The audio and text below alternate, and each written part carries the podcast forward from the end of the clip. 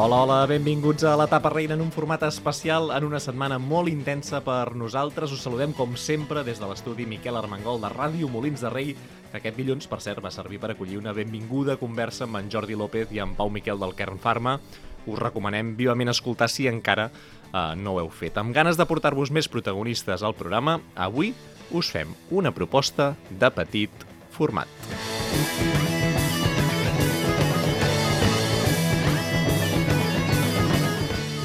Avui no és una etapa reina com la resta, sinó que anem directes al gra amb una altra conversa que ens ve molt de gust fer.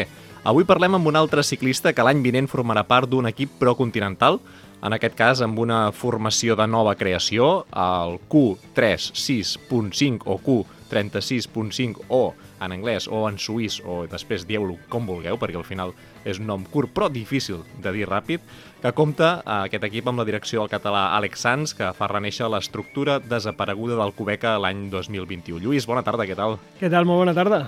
Què et sembla que jo ara estigui fent la presentació i tu diguis què tal, bona tarda? Doncs estic una mica desubicat, però m'agrada, m'agrada. Has arribat tard. Arribat just. Has arribat tard.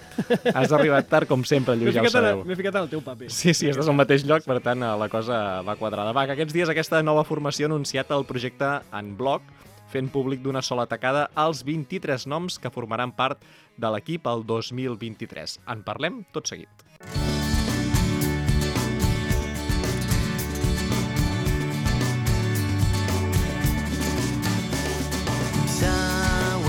De sora baixa dins l'horitzó damunt la mar rissada els avions Deu el sol de sora baixa Fa unes setmanes us avançàvem que hi hauria diversos corredors que aterren procedents del World Tour a aquesta nova formació. Entre ells, els repassem molt ràpid, Gianluca Brambilla, Matteo Moschetti, Mark Donovan, Jack Bauer, Tobias Ludvigson, Damien Hausen, Carl Friedrich Hagen, Matteo Badilati, Filippo Conca, també Antonio Pupio, déu nhi eh?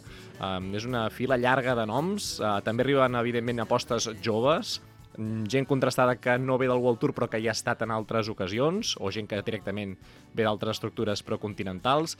Entre tots aquests noms hi ha un corredor català amb qui, Lluís, ja teníem ganes de xerrar i, de fet, ja havíem pactat que aquesta tardor hi parlaríem el dia que, que ens anés bé una mica a tots plegats i de cop i volta el vam veure a la llista dels 23 del Q36.5. Sí, increïble, increïble, perquè de fet és un pas molt important, jo crec, a la seva carrera i és un pas molt valent, perquè venia de la, de la Fundació Contador, va passar per Eolo, i fer aquest pas eh, sent l'únic ciclista espanyol de l'equip, doncs és bastant sorprenent. És un fitxatge especialment engrescador. Estem parlant d'en Marcel Camproví, que és barceloní, de 21 anys, que ja ens està escoltant. Marcel, bona tarda, benvingut a la Tapa Reina. Hola, bona tarda. Com estàs després de que s'hagi fet públic aquest eh, fitxatge? No sé si ja ho tenies en perspectiva des de feia temps, si ha anat tot tan ràpid com des de fora eh, ens ha semblat aquesta formació en bloc Pumba. 23 corredors i entre ells eh, el Marcel. Com estàs? Molt bé, molt bé, la veritat, amb moltíssima il·lusió, moltes ganes. Jo sí que fa una mica més de temps que ho sé, des de principis de setembre a finals d'agost, però sí, igualment està, està anant tot molt ràpid i, i els companys d'equip tampoc els sabia fins fa poc, així que superil·lusionat. Aquest és un gran salt en la teva trajectòria, això és indiscutible. Tenies moltes ganes de, de fer aquest salt? És a dir, aquest 2022, amb els resultats que has pogut anar fent, ja veies que hi havia aquesta opció de procontinentals o equips professionals, vaja, que truquessin a la teva porta i fessis el salt, o t'ha sorprès això? No, la veritat és que em va sorprendre una mica, perquè jo sóc relativament nou amb el ciclisme, venia al triatló, i, i la veritat és que fins molt al final de temporada tampoc em veia preparat personalment a, de córrer amb professionals, no? L'únic que el, vaig tenir bastants bons resultats al final ja d'any i sí que em vaig acabar creient que, que podia estar a un nivell competitiu amb professionals. Com s'ha forjat aquest fitxatge? Ho dic perquè des de fora, eh, això, una nova estructura, que sí que és cert que agafa el Cubeca del 2021, el refà, però l'estructura tècnica, diguéssim, podria ser similar a la que hi havia fa un parell de temporades. Um, arriba tot nou, han de trobar molts corredors per tenir uh, aquest nivell, troben i piquen portes uh, d'alt nivell, de corredors World Tour, ja els hem repassat a l'inici de- d'aquesta conversa. Um, Com funciona aquest fitxatge en clau teva? És a dir, tu t'arriba alguna trucada, algú es posa en contacte amb tu després d'alguna cursa? Eh, com funciona un fitxatge d'algun corredor que no ve del professionalisme per fitxar cap a un equip com aquest? Sí, doncs en aquest cas va ser a través del representant i bueno, sabíem que Eolo era difícil perquè hi havia corredors de moltíssim nivell i, i de cara a la plantilla del futur eh, ja es veia, o sigui, ja sabíem que segurament es, estaria ple no, l'equip professional. Uh -huh. Aleshores, doncs, vam estar buscant opcions i, i va, sorgir, va sorgir aquest equip. Has pogut parlar tu directament amb algú de l'equip, amb l'Àlex Sanz o amb algú altre que t'ajudi a situar-te una mica amb aquesta arribada?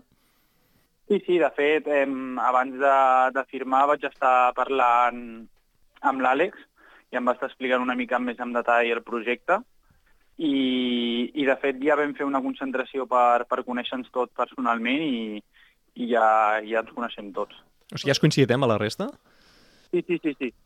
Vam, vam estar fa, fa un mes, tres setmanes a, a Milan, tres dies, per, per conèixer-nos i, i que ens expliquessin una mica com, com aniria tot. Com et presentes amb aquesta reunió o amb aquesta presentació? Perquè m'imagino que amb un, amb un equip que, on tot és nou i, i l'equip està farcit de World Tours, eh, deu donar una mica de canguelo arribar allà el primer dia, no? Sí, sí, totalment, totalment. Bueno, em vaig presentar com, com el, el corredor grec que soc, que és molt, molt novato, sense gaire experiència i, i amb moltes ganes d'aprendre i d'ajudar, no? Em sembla que va ser l'any passat que el, Mar, el Marc Brustenga mm -hmm. ens deia que, que en aquesta primera concentració, en el seu cas de l'equip Trek, el van posar a compartir habitació amb el Toni Galopent. Eh, a tu amb qui t'han posat, si és que compartíeu? Sí, amb un corredor canadiense, a Niklas, el cognom no el sé pronunciar bé. És el Sukowski, no? Que del sí. Human Performance Health. Sí, sí, sí. Gran nom.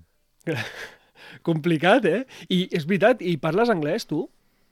Sí, sí, sí, Ah, em defenso, la bé. veritat, perquè ja sóc l'únic espanyol de corredors i l'idioma estàndard és l'anglès.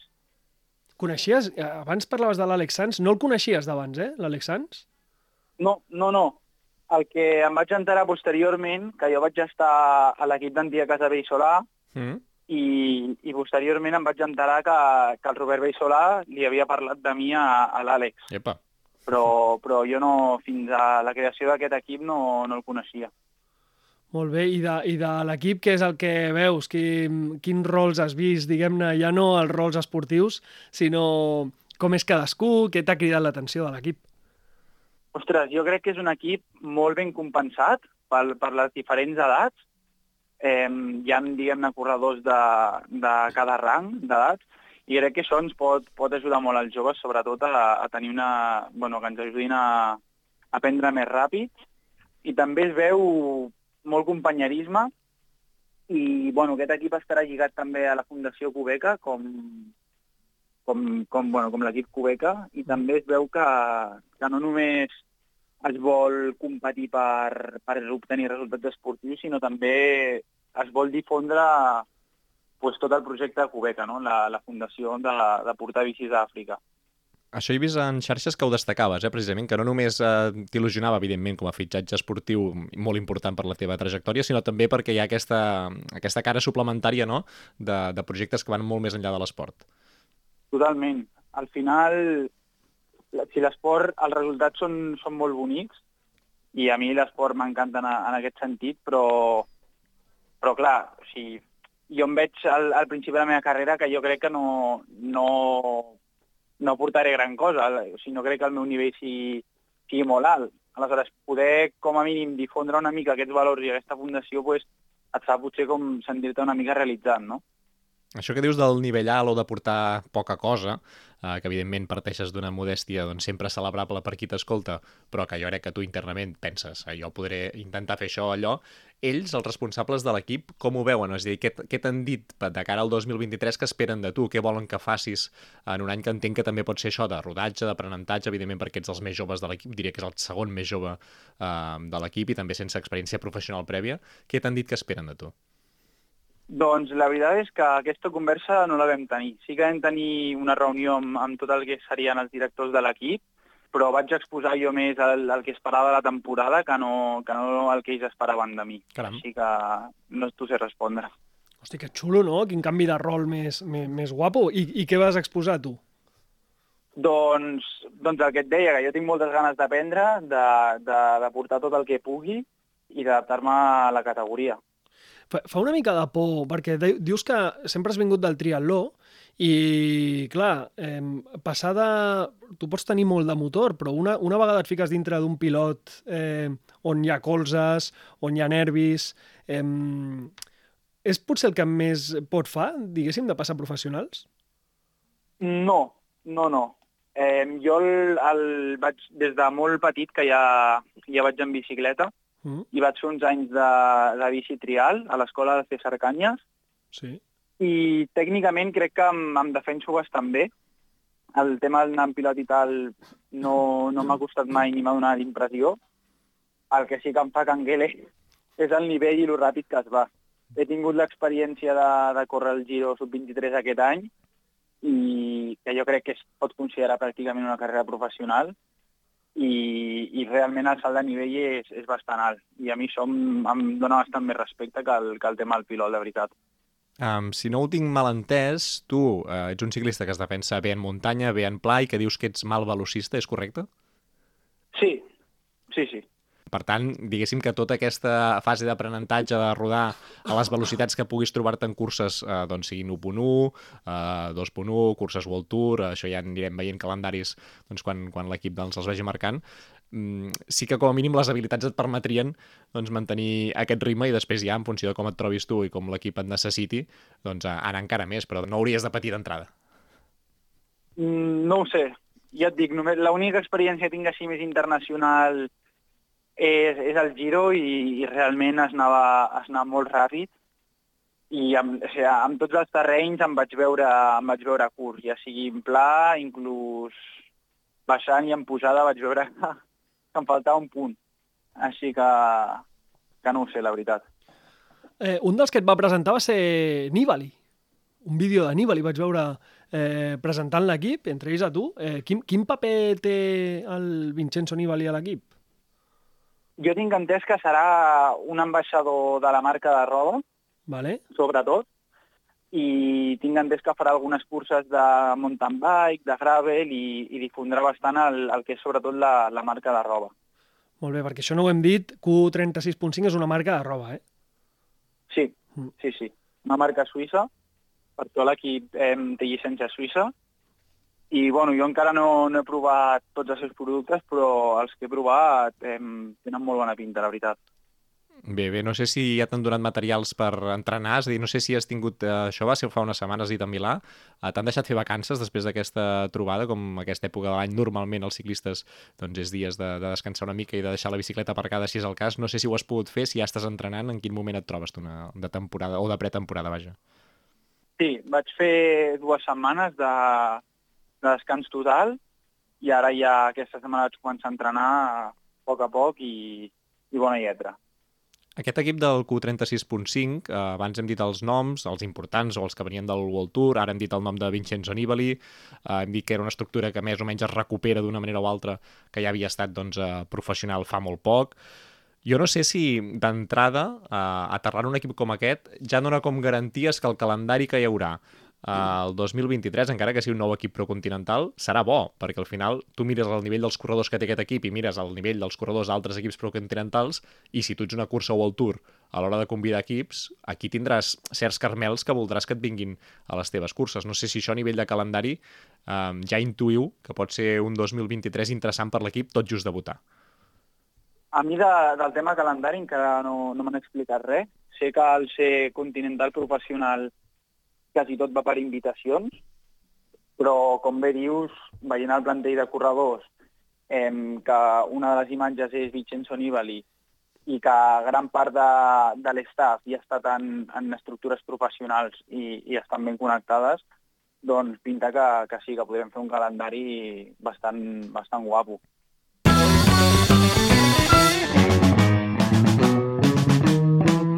Abans hem dit que, fent marxa enrere, que vens del món del triatló, que abans havies també estat en el món del bicitrial, Com a, com a esportista ha estat la teva evolució? És a dir, bicitrial, després triatló i després ara el ciclisme, és aquesta? Bueno, al mig de bicitrial va ser bastant jove. Després de bicitrial vaig estar fent uns anys rugby, al Ahà. químic de Sarrià, i, i després del rugby sí que es va començar a ficar bastant sèrio i jo el ser relativament esquifit pa- patia bastant perquè és, és, és de, de molt contacte físic. Aleshores, del rugby sí que vaig passar al triatló perquè uns companys d'escola estaven a, al club de, de triatló a Barcelona, que em cau relativament a prop de casa, així que, que vaig anar passant-me al triatló i, i al triatló vaig, vaig aconseguir un nivell nacional bastant, bastant bo, però em vaig lesionar al peu, vaig tenir una lesió bastant fotuda que, que costa molt, molt de temps que, que es curi, Lo- més o menys el que té el Rafa Nadal, Uh -huh. i res, vaig començar a competir amb, amb bici per... Bàsicament, jo seguia entrenant en triatló, però clar, no podia competir pel tema de córrer. Si no corria, i res, vaig començar a córrer amb bici per, per estar motivat i, i competir en alguna cosa. Al final m'agrada bastant competir i em va acabar cautivant. Per on entrenes? En- Tu ets de Barcelona, oi? Vius a Barcelona? Sí, sí, jo visc a, a Barcelona Centre, un casc antic, i sembla bastant pitjor de, del que realment és, o almenys per mi, que jo ja estic acostumat, i vaig molt cap a la zona del Garraf, Collserola també. Sortint, I- i sortint, zona des de, Maresme. sortint des de Barcelona en bici ja, eh? Sí, sí, sí, sí. Jo, al, al final, des d'aquí a casa, en 5 minuts ja estic a Montjuïc, i des del Montjuïc ja no hi ha gaire semàfors. Molt bé. I d'aquí cap al ratpenat, que ja hem llegit que t'agrada molt. Ostres, sí, sí. És un, un dels meus ports preferits de, de la zona, sens dubte. Això anàvem a preguntar. Hi ha algun, hi ha algun lloc que puguis eh, aconsellar a cicloturistes de zona metropolitana que diguis jo per aquí sempre vaig i, i m'ho passo bé, no hi ha massa tràfic, trànsit i, i és un lloc xulo per, per ser-hi. Sí, jo la zona que més freqüento, i al final és, és per fer una mica, és tota la zona de, del Garraf. Sí que hi ha trànsit, però al final jo trobo que els, els cotxes respecten bastant, quasi no he tingut problemes, i tota la zona de costes del Garraf, eh, el Ratpenat, Olivella, per allà pots fer voltes molt xules i, i la veritat és que jo ho considero bastant segur. Això en poc temps ha passat de ser hobby, de sortir eh, per intentar seguir amb el món del triatló d'una manera o altra, a passar ja en el ciclisme professional, han passat molt pocs anys, diguéssim, entre una cosa i l'altra, ha estat com molt meteòric, no tot plegat. No sé si eh, el ciclisme ha tingut alguna cosa que t'hagi atrapat especialment, és a dir, quan vas en bicicleta, on sorties d'entrar també per fer triatló, si té alguna cosa diferent o diferencial que diguis, això jo és el que vull fer i aquí el meu somni l'he de lluitar fins a arribar al punt on ets ara. Sí, la veritat és que sempre, ja quan feia triatló, notava que les hores en bici em passaven molt més ràpid no? que, que amb les altres disciplines. Mm, No em tocava, no em tocava i potser feia 4 o 5 hores i, i m'ho seguia passant bé, inclús, inclús si anava sol. I al final això, amb el temps et dones compte, no? que realment és, és quan t'agrada alguna cosa. I crec que això al final ha sigut determinant, no? també que, que no m'importa, no, en general mai m'ha importat entrenar, ho disfruto molt i crec que, crec que és de lo, de lo més important, o sigui, el més important que per ser ciclista professional, no? al final disfrutar sobre les hores sobre la, de les hores sobre la bici. Abans feies referència a l'antiga Casa Bellsolà, eh, també a la Fundació Contador i aquesta, aquest pas per l'Eolo Cometa Sub-23. Què t'han aportat eh, en la teva faceta, diguéssim, d'aprenentatge, aquesta etapa formativa, i què han vist en tu? O sigui, algú ja, ja t'ha dit d'entrada, ostres, Marcel, tira per aquí perquè és un esport que se't dona superbé. O sigui, hi ha, hagut gent que t'ha vist ja d'entrada amb un entrenament, una cursa, i t'ha dit, ep, aposta-hi perquè, perquè això és el teu. Doncs jo crec que, que ha sigut una, una progressió molt natural per tots els, eh, per a tots els equips que, que he passat i en part això m'ha beneficiat molt, no? Perquè quan vaig començar Casa Vell Solà mmm, hi havia zero expectatives, érem un grup d'amics que ens portaven a, anàvem, a competir i pràcticament tot el que féssim era, era benvingut i això al final et fa estar molt relaxat i, i disfrutar. I sí que crec que el pas a, a la Fundació Contador em va portar moltíssim també perquè ja és molt progressiu, però a poc a poc ja tens una mica més de, presó, de pressió, més expectatives, ja molt, molt més treball en equip, aprens a, a treballar per altres, Aleshores crec que ha sigut molt, molt progressiu tot. I, i el tema de les qualitats, doncs, sí, sempre... Ja, jo anava bastant amb una grupeta, la grupeta del, del, del Club Ciclista Ratpenat, i ja quan feia triatló, bueno, és la típica grupeta que es va a palo limpio, no? que sembla, que sembla una carrera, i allà sí que, sí que m'ho deien, deja el triatlón, pásate la bici... Perquè els, tal, els però- arrasaves, eh? Els arrasaves en qualsevol eh, petita pujadeta o, o què? No volien ni veure. No, no, que va, que va. No volien ni veure't per allà. Deja, deja la bici. No, ni deja la bici, tio, que, que, que nos machacas, no? No, no, però, hòstia, realment era... M'encantava, no?, perquè feies en- entrenos boníssims i, i ni et donaves compte, tu, tu passes superbé. I allà sí que, sí que feien aquests comentaris, no?, però, però a part d'això, no gaire més. Hi ha un moment que suposo que la gent que no et coneixia, perquè no t'havia vist córrer, eh, ja es fixa en tu per primera vegada en el món del ciclisme, que és el 2021, a l'estiu, quan vas a uns campionats de- d'Espanya i fas segon amb una selecció catalana que, per cert, era potentíssima, perquè hi havia el Pau Miquel, que, que just aquesta setmana hem parlat amb ell, amb el Marc Brustenga, amb l'Abel Balderstone. Eh, amb aquest equip, amb un equipàs, vas tu, eh, transformes en el líder de l'equip perquè ets el que acabes més al davant, és a dir, a 4 segons del, del que guanya, una entrada molt ajustada de molts ciclistes, però fas segon. Jo no sé si en aquell moment és quan fas un clic de dir, ep, eh, estic aquí amb aquest nivell, amb tots aquests que venen d'equips de planters eh, tan bons, jo sé com un Lizarde, per exemple, i estic aquí. No sé si fas un clic aquell dia. Sí, sí, aquell dia em vaig començar a creure que, que sí que tenia qualitats i que, i que la bici que se'm donava bé, perquè encara no, no sé explicar del tot el, el que va passar aquell dia. Va ser un dia d'aquests que, que va, bueno, es dona tot, no? O sigui, jo crec que vaig tenir un rendiment dintre les meves capacitats impressionant i a part d'això, al veure'm en cap de cursa amb el que tu dius, eh, el Brustenga, Pau Miquel, a l'Àlex Martín, l'Abel... Clar, jo em vaig veure per primer cop en, en tota la meva carrera, en la meva curta carrera ciclista amb aquesta gent i crec que em vaig poder exigir molt més, perquè jo al final venia de, de córrer a la Copa Espanya, però és que era jo que veies les exhibicions que donava el Pau i el Marc i, i dius, però com és possible que vagin tan ràpid, no sé què, i de cop et veus a una escapada amb tots ells i per mi era increïble. Aquell dia, tant el Marc com el Pau, quan han passat pel programa, trobo que és un dia molt recordat Sí, sí, sí. i que el van viure molt intensament i que el van gaudir molt.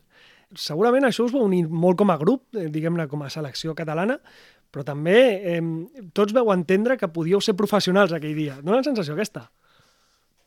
Ostres, jo pels de més no ho sé, perquè jo el que et dic, venint de fer tota la Copa Espanya i veure el que feien el Marc i el Pau, és que era... ja es veia que, que tenien un o dos punts més que la resta, era, era increïble. Aleshores, jo no sé com, com ho van viure, però sí que va ser un dia superbonic d'estar quatre catalans a, a una fuga de, de vuit corredors i, i literalment vam rebentar la carrera jo crec que aquell dia tots ho vam disfrutar moltíssim. I no serà l'últim dia que disfrutes, això estem convençuts que els properes temporades anirem seguint de prop per veure com vas evolucionar el món del ciclisme professional. Uh, jo crec que avui t'hem presentat, uh, Marcel, uh, una mica la gent et coneix una mica millor doncs, de, del que ho podia fer fins ara i segur que hi ha més expectativa encara respecte a aquest debut amb el Q36.5, però abans de marxar, uh, a l'etapa reina sempre estem doncs, uh, amb ganes de, de jugar una miqueta, no? de passar-nos-ho bé.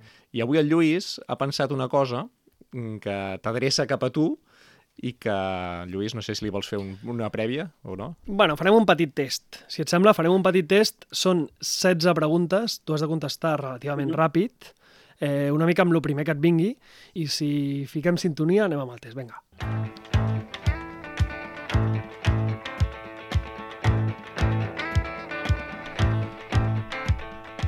Marcel Camproví, 16 preguntes, eh? eh? sí, És fàcil, eh, Marcel? És fàcil. Els altres els fem suar, a tu t'ho farem facilet. Eh, la primera és un lloc on viure. Girona. Girona. Hòstia, renegues de Barcelona, tio?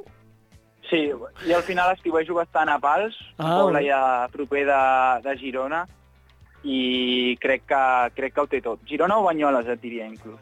Molt bé, molt bé. Et trencaré la dinàmica, però l'altre dia vaig estar a Pals i a Madremanya. Sempre hi han botigues ciclistes en anglès, ja.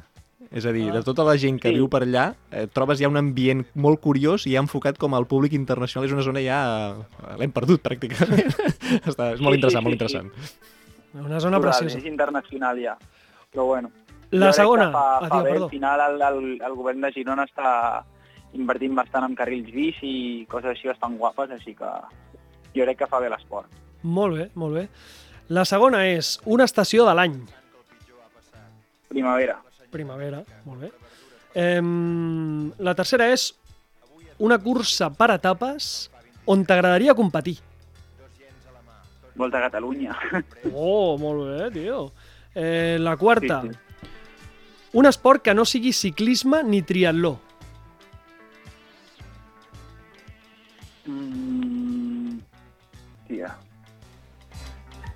Caminar, caminar. No, si no, clar, no, jo crec que sí que està considerat esport, Sí, no? sí, i tant. Bueno, és, és l'esport que faig jo. eh, un viatge que hagis fet o que tinguis ganes de fer? Tailàndia em va molar moltíssim i que tingui ganes de fer Índia Oh, que guai, o que, que Japó. Índia o Japó, eh? Sí. Molt bé, Sí, sí, molt bé, que exòtic, tio. Eh, un plat per menjar.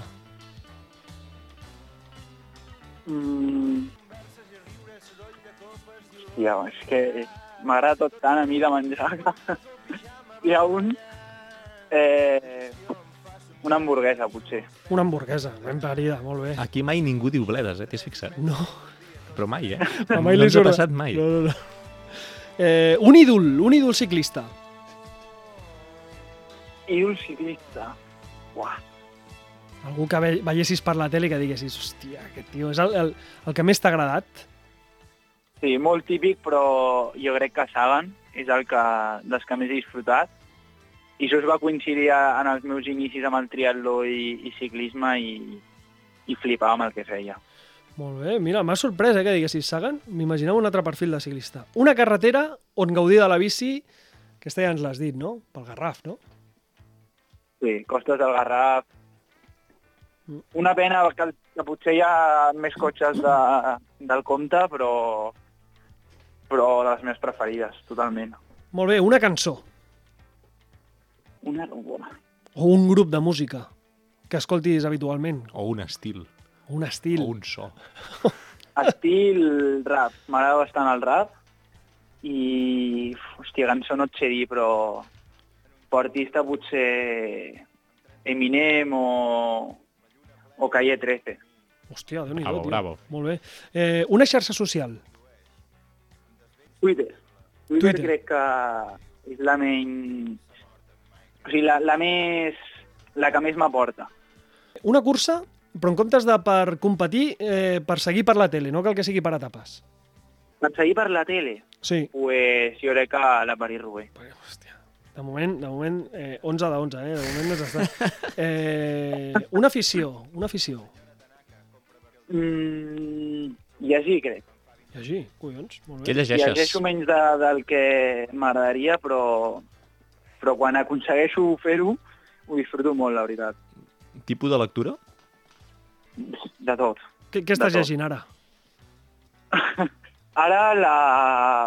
Bueno, la biografia... No és ben bé una biografia, però com un llibre... És que no sé molt bé com explicar-ho, perquè com un llibre de formació del, del fundador de Nike, que es diu Nunca Pare, del Phil Knight, Molt bé. i barreja una mica tot el tema de- d'emprenedoria de, amb, amb l'esport.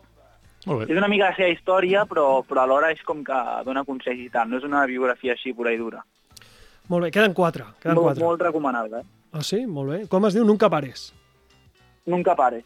Molt bé, doncs eh, ens l'apuntem. En queden quatre, eh? Ja estem recta final. Una sèrie o una peli? Sèrie Breaking Bad Eh, bé, molt bé. o Prison Break. Eh, mira, aquesta no l'he vist, eh, Breaking Bad. Eh, eh, un sabor de gelat. Xocolata. Xocolata sempre. Bravo. Sempre, Eh, sempre. Un ciclista, falla. un ciclista català amb qui hagis compartit Hòstia. entrenos o, o, o que simplement t'hagi agradat, O històric. o històric, sí, sí. El Brustenga. El Brustenga. crec que és amb, el, amb, la, amb, de la, amb les persones que més entreno i... I, bueno, un crac, un crac. Molt bé, i la, la última, la, probablement la més important, un programa de ràdio sobre ciclisme en català. Aquesta no cal que la contesti, que Etapa ràdio... reina, sí, sí. Ràdio Volta. eh, molt bé, moltes gràcies, eh? Molt bé, Marcel. Eh, L'última cosa ja, Marcel, eh, amb el Pau Miquel vam fer una aposta l'any passat que si ho feia molt bé o si, si ell guanyava alguna cosa i va apostar, que vindria aquí al programa es faria trenes. No ha arribat a guanyar, ha estat molt a punt i ha sigut molt protagonista, però no ha arribat a guanyar, per tant, no li hem fet trenes. Jo aquí eh, et proposo fer una aposta pel 2023 i et vull fer una pregunta. Eh, tu tens coneixements de peluqueria? No. No. Mira, eh, mm, jo mira, mira si sóc valent i vaig de, de cara a barraca. Marcel, penja. Penja ara abans que el Lluís segueixi. Mira si sóc valent i mira si vaig de cara a barraca, que m'ofereixo a que si... Tu ara deixem passar l'any i tu ara fas una aposta, ¿vale? una aposta sobre el teu rendiment, alguna cosa que facis durant l'any. Si eh, l'aposta la compleixes, Uh -huh. vens al programa l'any que ve i jo em deixaré rapar per tu. Aquí en directe. Vale. Vale. Mar Marcel, sisplau, fes una I si no aposta que sigui tipus... Em rapes tu a mi o no? No, si no la compleixes, et deixo triar que ens portis aquell dia, que vinguis amb el Vincenzo Nibali, o, o que portis un mallot o alguna cosa aquell dia. Vale. Vale. Sí, sí, firmo. Marcel, Però, clar, Marcel, no piquis alt, que sigui eh, competir un dia, o sigui, que sigui agafar la bici d'entrenament. Home, ha de ser una cosa però, més o clar, menys que estigui la, bé. La, la pregunta és si la- l'aposta en si és molt oberta, no? Bueno, eh, ja l'anirem tancant. no, però, no sé, alguna sí, no, cosa... aquesta ja, ja la conec, ja la conec, aquesta. Ja l'anem tancant a la meva manera, no? No, no sé, eh, No, fora conyes, què, què t'agradaria molt que passés el 2023, que diguis, si tant de bo aconseguís fer això el 2023? Hòstia, jo crec que tot, un, un top 5 en una carrera professional jo crec que, que seria l'hòstia. pues aquesta, aquesta és l'aposta. Ja en- està. Ens donem la mà. Perfecte. Acabo d'escopir-me la mà i t'acabo de donar la mà. Això està segellat. Perfecte. Uh, Marcel, ha estat un plaer parlar amb tu, uh, molt contents de poder-te conèixer i et dic ara, et seguirem tot el que vagis fent el 2023, amb moltes ganes d'anar parlant amb tu de tant en tant, a mesura que va avançant aquesta trajectòria professional que tot just doncs, uh, comences després d'aquests èxits, uh, no ho hem dit, eh, però aquest 2022 el Marcel ha guanyat moltes curses del calendari espanyol i per tant, doncs uh, res, celebrar que t'han anat molt bé les coses i que segur que estem convençuts que t'aniran uh, encara millor el 2023. Una abraçada, que vagi molt bé. Gràcies a vosaltres. Una abraçada. Vas bé.